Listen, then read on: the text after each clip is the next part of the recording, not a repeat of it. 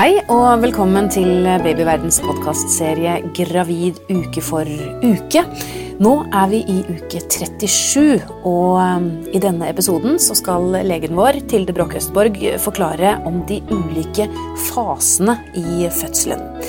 Litt senere skal jordmor Anette Hegen Mikkelsen komme og fortelle om hvordan du kan forberede deg fysisk til fødselen. Har det f.eks. noe for seg å smøre seg med oljer på det vi kaller mellomkjøttet? Jeg heter Karine Næss Frafjord og er redaktør i Babyverden, og ønsker nok en gang velkommen til deg, Tilde. Jo, takk.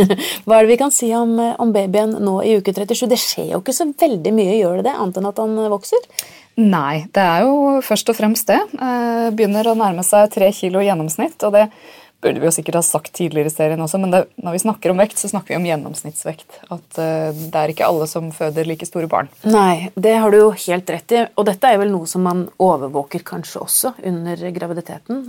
Det er jo det at man tar uh, dette symfyse fundus-målet. Ja. Uh, at man måler magen ved alle undersøkelser hos lege eller jordmor. Og så gjør man eventuelt ultralyd hvis det skulle vise seg å være stor forskjell mellom mellom det målet og det målet man forventer. Ja, men jeg holdt på å si babyen er jo så stor som han er. Det er jo lite man kan gjøre kanskje selv med barnets vekst. er Det ikke det? Det er så mange forhold som spiller inn. Det er det. Eh, det er klart at eh, De tingene vi følger med på, er jo tidlig i svangerskapet å oppdage tvillinger. altså Hvis man har et veldig stort mål. Um, og Senere i svangerskapet så er det jo at hvis, uh, hvis magen vokser veldig lite, uh, så må man utelukke svangerskapsforgiftning, eller hvis den vokser veldig mye, utelukke svangerskapsdiabetes. Mm. Men dette er jo på en måte tidligere enn uke 37. da. Det er akkurat det, Så det, det toget har på en måte gått allerede? det toget har på en måte gått, men vi, vi, følger jo med. Men du, en myte. Er det sånn at hvis mor spiser lite, så blir barnet lite? Eller hvis mor spiser mye, så blir barnet stort? Um, det er, det er, en viss sammenheng. det er det. Vi ser at kvinner som er dårlig ernært, føder eh, mindre, altså barn som er mindre. Men eh, det å på en måte gå inn for det er nok eh, ikke spesielt sunt. Nei, det tror jeg vi skal slå fast. mm. Så man skal spise normalt og ikke på en måte tenke i den retningen. Og fosteret tar jo stort sett den næringen det vil ha eller har tilgang på via morkaken. Mm. Men nå er det altså nærmer seg hva var det, tre kilo i uke 37. Mm.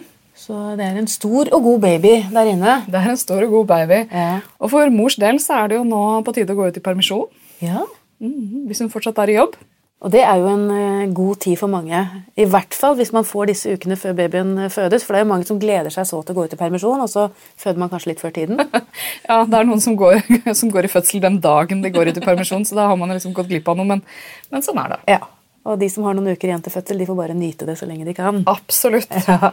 Du, vi snakker jo om fødsel, og det er jo det som på en måte er eh, den store finalen her, og som på en måte jeg regner med at alle gravide tenker mye på. Og så er det jo sånn at En fødsel er ikke bare en fødsel, man skal gjennom noen ulike faser. Så jeg tenkte at det skulle du få lov til å forklare oss eh, i dag, til det. Ja, det stemmer. Um Tradisjonelt sett, hvis du leser lærebøker, så er fødselen delt inn i tre faser. Det er altså åpningsfasen, hvor livmorhalsen åpner seg. Utrivningsfasen, hvor fosteret eh, drives ut, altså presses ut. Og etterbyrdsfasen, som er eh, den tiden hvor morkaka skal ut, og man skal sy og stoppe blødning osv. Men det er jo, man kan eh, legge på noen faser også. Det er sånn at Latensfasen, altså den tidlige delen av første fase av fødselen skal vi snakke litt om, tenker jeg. Og så er det tilknytningsfasen i etterkant av at barnet er født, som også er viktig å ha med. Ja, og det hørtes så koselig ut. Sparer det beste til slutt. Sparer det beste til slutt. ja. Skal vi starte med latens, da? eller? Latens, ja. Og Grunnen til at eh, latens er greit å skille ut, er at det er utrolig varierende hvor lenge det foregår. Enkelte har en latensfase, altså uregelmessige rier, murring, eh, rier som kommer og går, som stopper opp, som kommer tilbake og kan ha det i flere døgn.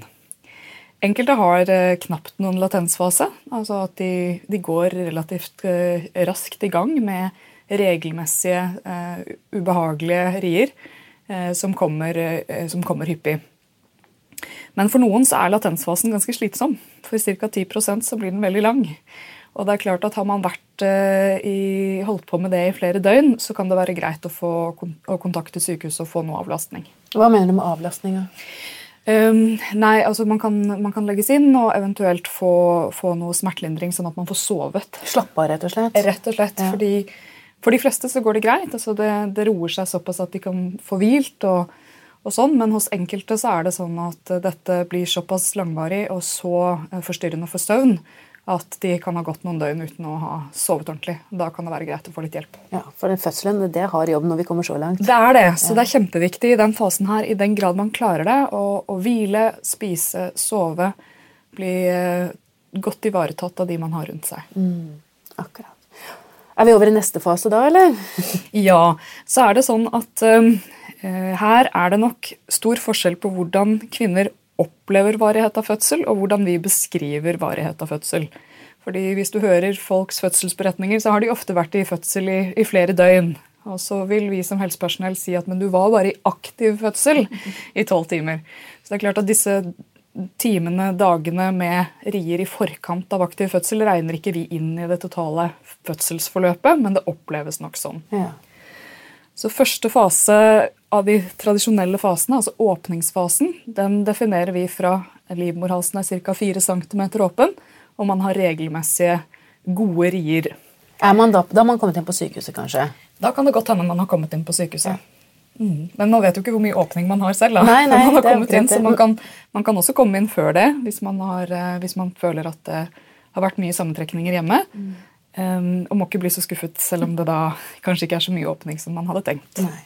Hvor lenge varer den fasen? Eller det er kanskje mulig å si det òg?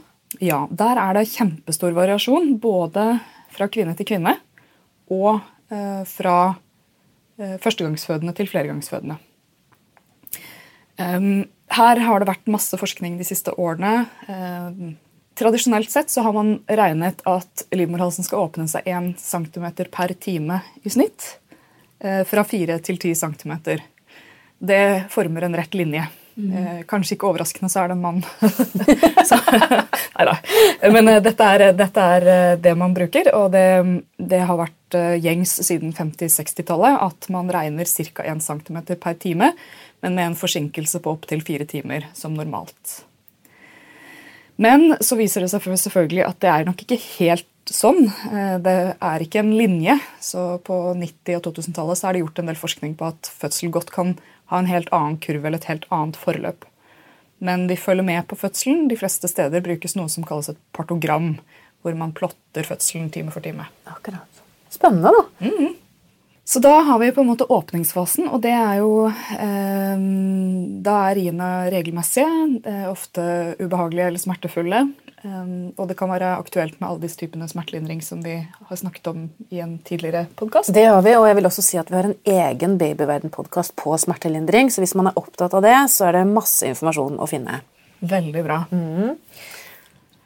Så, eh, mot slutten av åpningsfasen, så kan ofte riene endre seg litt. Enkelte får faktisk en ripause da, andre får mer intense rier.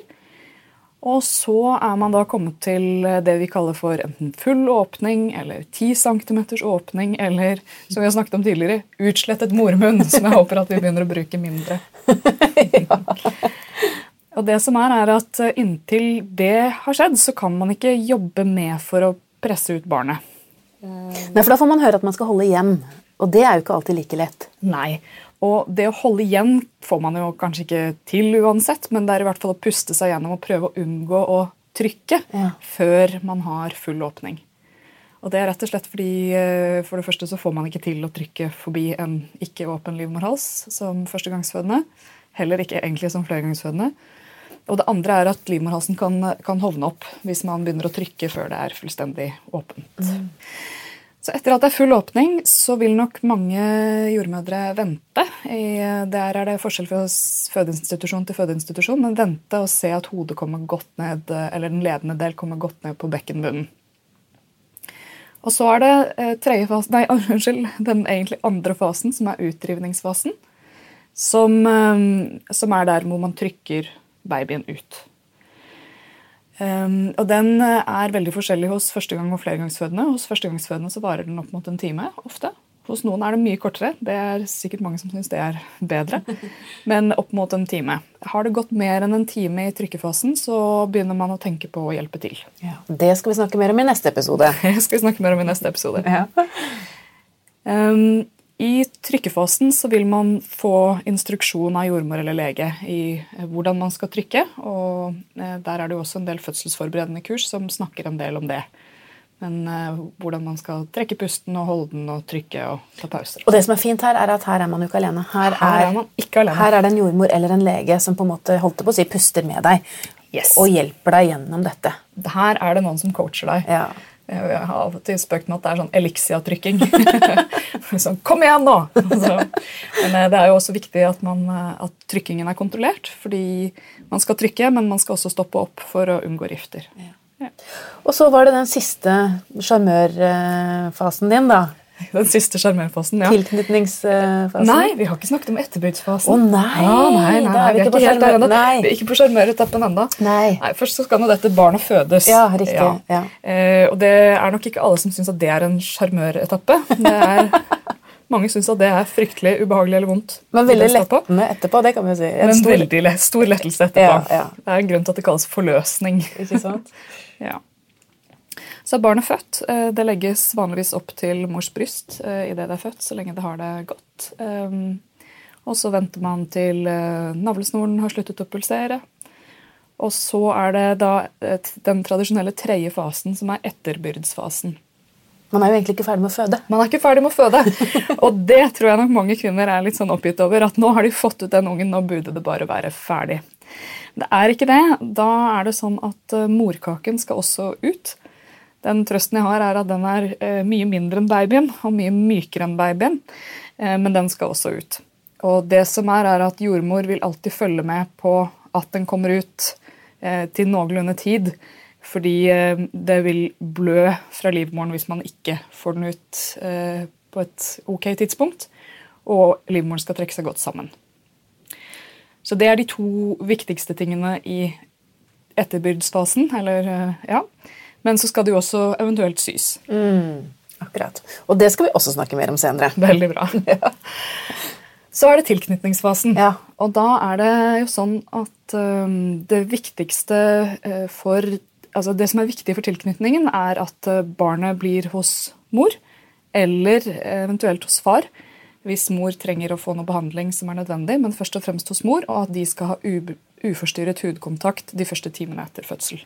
Da ligger man der med babyen på brystet. Da ligger man der med babyen på Og det er så vakkert. Ja, det er kjempefint. ja. Det er kjempefint. Er det sånn at dere som leger liksom tenker at dette her var, var flott? Det, ja, det er jo det.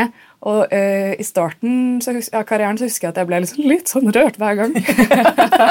og nå er jeg ikke fullt så rørt, men det er alltid sånn at hvis jeg har med for en medisinstudent eller noen som ser dette for, kanskje for første gang, og jeg ser hvor rørt de blir, så kjenner jeg det selv også. Mm. Det liksom, Men hvorfor er det så viktig med denne tilknytningen så tidlig? Mm. Um, tidlig tilknytning uh, er viktig fordi det uh, har mange effekter både på mor og på barn. Um, barnet knytter seg til den som det ligger og lukter på. Og eh, det fremmer eh, oksytocinproduksjon hos mor, som både er bra for melkeproduksjon, men for at livmoren skal trekke seg sammen, og for tilknytning. Så det er, eh, det er viktig. Og også hvis man har hatt en, en, forløsning som kanskje ikke ble helt sånn som vi snakket om nå. altså Hvis man har hatt et keisersnitt, eller hvis det har vært noe under fødselen, så er det viktig å ha barnet mye hos seg for å prøve å få den tidlige tilknytningen. Akkurat. Ja, Det er vakkert. Jeg syns det. Da er eh, babyen ute, eh, i hvert fall eh, i denne episoden. ja, som sagt, det er, det er, nok noen som ikke er der på noen uker enda, så da er det bare å smøre seg med tålmodighet. Ja, det er helt sant. Vi skal, vi skal snakke med jordmor Anette Hegen Mikkelsen etter, etter, pausen. Da skal vi gå tilbake til førfødsel igjen også, og snakke om om du i det hele tatt er mulig å forberede deg fysisk til fødselen, f.eks. ved å smøre deg med oljer på mellomkjøttet.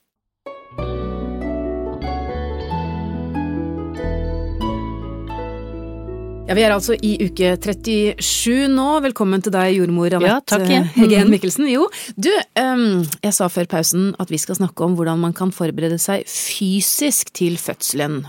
Og jeg vet jo at veldig mange er eh, redde for dette med rifter, det å revne. Ja. Det har det jo vært ganske mye diskusjoner om, akkurat dette både i jordmorfagkretser og ellers hos private personer eller de som skal føde. Og så tror jeg ikke at man har egentlig funnet noe god dokumentasjon på at det lønner seg, eller at det er veldig viktig å smøre dette mellomkjøttet.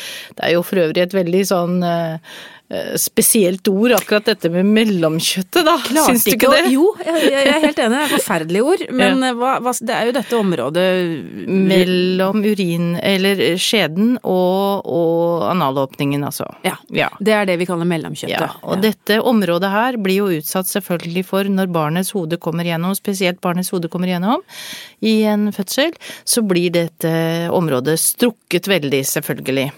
Eh, og da har man jo i noen kretser og flere, på flere hold snakka om at det lønner seg å eh, smøre dette mellomområdet eh, med forskjellige typer oljer og sånn i svangerskapet, at det kan bidra til at man unngår rifter, da. Ja, for jeg vet jo at det til og med selges oljer til dette formålet. Mm.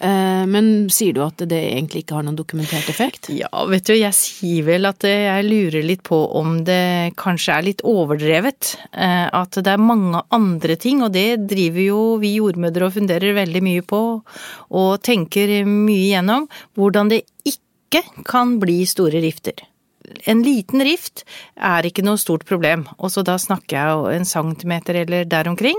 Eh, vil ikke medføre noe stort problem. Det gror veldig fint av seg sjøl. Men store rifter har vi jo hatt store diskusjoner og flere forskningsprosjekt og andre andre undersøkelser på hvordan vi som jordmødre da kan bidra til at det ikke blir store problemer for kvinnene, dette. Men kan kvinnene gjøre noe selv? Altså hvis vi skal, altså for Temaet nå var jo øh, om man kan forberede seg fysisk selv. Og så sier du at disse kremene, eller disse oljene, kanskje ikke virker. Skal vi bare, Da er det ikke noe vits å drive og smøre seg med det, da, eller? Altså, det, det, jeg kan jo ikke tro at det skader. Eh, man blir myk og fin, i hvert fall. Ja, det, det, er jo helt opplagt at man blir. Og så kan det jo være ok å etterligne sånne fødesituasjoner hvor man sitter på huk og eh, bøyer seg ned, og man kjenner litt etter hvordan man kan slappe av i la oss kalle det mellomkjøttet nå da, på latin eller i jordmorkretser så kaller vi det jo for perineum. Det syns jeg er et veldig fint ord, minner meg om en blomst eller noe. ja, det er sant. ja. Så, så, dette, hvordan man kan kjenne etter hvis man sitter på huk, hvordan man kan slappe av i dette området. Altså at man kan tenke seg tanken på at nå kommer barnets hode ut, og hvordan man da vekselsvis kniper, for man må kjenne etter hvordan man kniper først, og så kan man kjenne etter hvordan man klarer å slappe av. Altså tenke seg at man slipper barnet ut, da. At det kan være en måte å forberede seg psykisk, nei fysisk selvfølgelig, ja. til fødselen. Men jeg ja. tenker at det er forskjell på å knipe når du, som du sier, sitter på kne, eller om du ligger på rygg i en seng. Mm. Er, det, mhm. er, det, ikke det? Jo, absolutt. Og, og, så tenker vi jo at når barnet skal eh, fødes, så vil jo en, veldig mange jordmødre foretrekke at kvinnene finner en fødestilling hvor man kan bruke maksimalt trykk, altså hvor barnet da eh, kommer ut og mammaen har en rett opp og ned-stilling som bidrar til at man får brukt tyngdekraften, og hvor man har maksimal åpning, og hvis man sitter med bena ganske godt fra hverandre, så åpner man opp bekkenet og slapper av i musklene i rumpa og låra på en litt annen måte, og det bidrar jo til at barnet kommer lettere ut, da. Betyr det at mange faktisk føder barnet stående, eller på huk? Ja, på huk, eller, eller på kne, i knestående eller andre ja, stillinger som, som, bidrar til at man får brukt tyngdekraften, er en god ting. For de bildene jeg ofte ser av fødsler, da er det jo kvinne ligger på rygg i mm. seng og mm. føder sitt barn. Mm. Ja, altså jeg syns jeg har veldig god erfaring med, og, og bruker å Eller praktiserer stort sett alltid at man på slutten av fødselen, idet barnets hode skal fødes, at man har en rett opp og ned-stilling som bidrar til at barnet kommer lettere ut, da. Men når man har så vondt og er i den siste fasen av fødselen, er det da behagelig å reise seg opp og stå? Nei, det er det nok ikke, men, men tenk på det på den måten at det som er ubehagelig i denne sammenhengen, bidrar til at barnet kommer ut, på en ja, måte. Så da skjer det mm. kanskje fortere og enklere. Mm. Mm. Men vet du noe om hvilke fødestillinger som er best i forhold til dette med revning, da, eh, for å unngå det, i hvert fall som så mye som man kan. Mm. Ja, eh, vet du, eh, ikke Jeg kan ikke si at jeg har noe sånn veldig sånn dokumentasjon eller, eller noe mer enn sånn, hva skal vi si, min jordmorerfaring, da. Og den er jo lang. Ja, den er jo lang, Ja. så la oss ta litt om det. Og da tenker jeg jo at eh, jeg har i hvert fall veldig god erfaring med vannfødsler i den sammenhengen. Så hvis man kan tenke seg å føde i vann, så bidrar jo det gode, varme vannet til en avslappethet i kroppen og i mellomkjøttet på et vis, eh, og i musklene, som gjør at man kan ha en rett opp og ned-stilling eller en huksittende stilling, og samtidig få en form for støtte av vannet.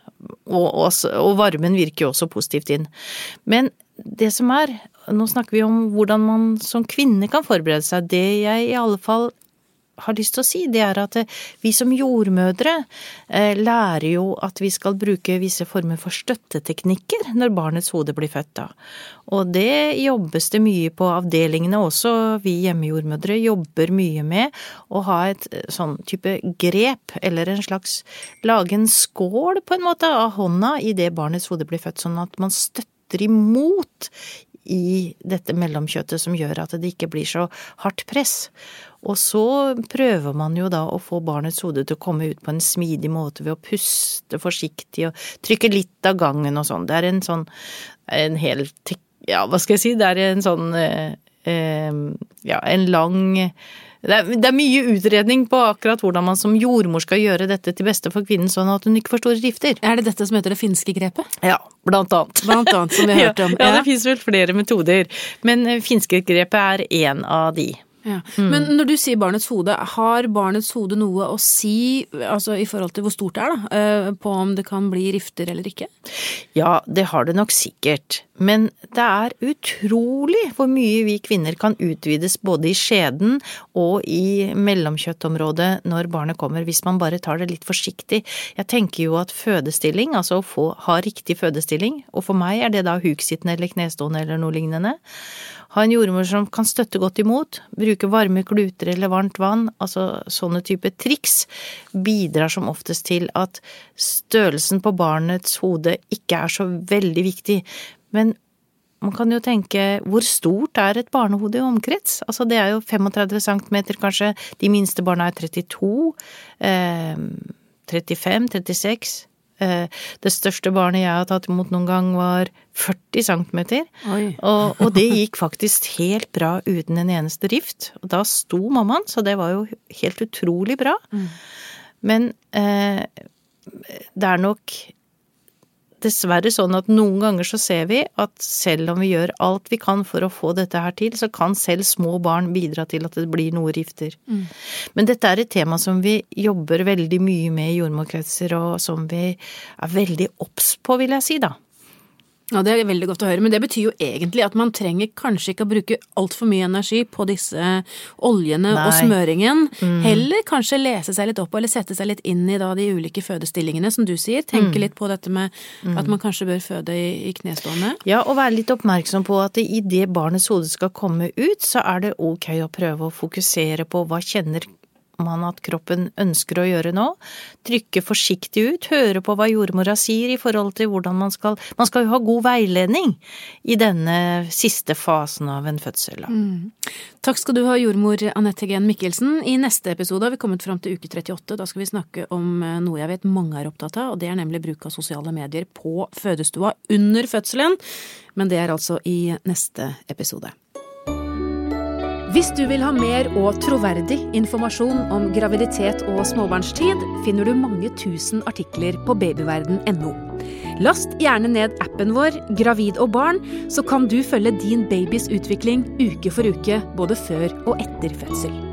I appen finner du også artikler, morsomme verktøy, gode tilbud og selvfølgelig også alle podkastepisodene våre. Som medlem i Babyverden får du også ukentlige nyhetsbrev med masse nyttig informasjon om både deg og babyen din, og tilgang til vårt populære diskusjonsforum. Våre medlemmer er også med i trekningen av flotte premier hver måned helt fram til barnet fyller ett år. Alt er selvfølgelig helt gratis. Det er også Babyverden som utgir Spedbarnsboken, som du kanskje har hørt om. Vi har gitt ut Spedbarnsboken gratis helt siden 1964, og den får du på de fleste sykehus etter at du har født. Men hvis du vil ha boken tilsendt i posten før fødsel, kan du bestille den via babyverden.no eller appen vår.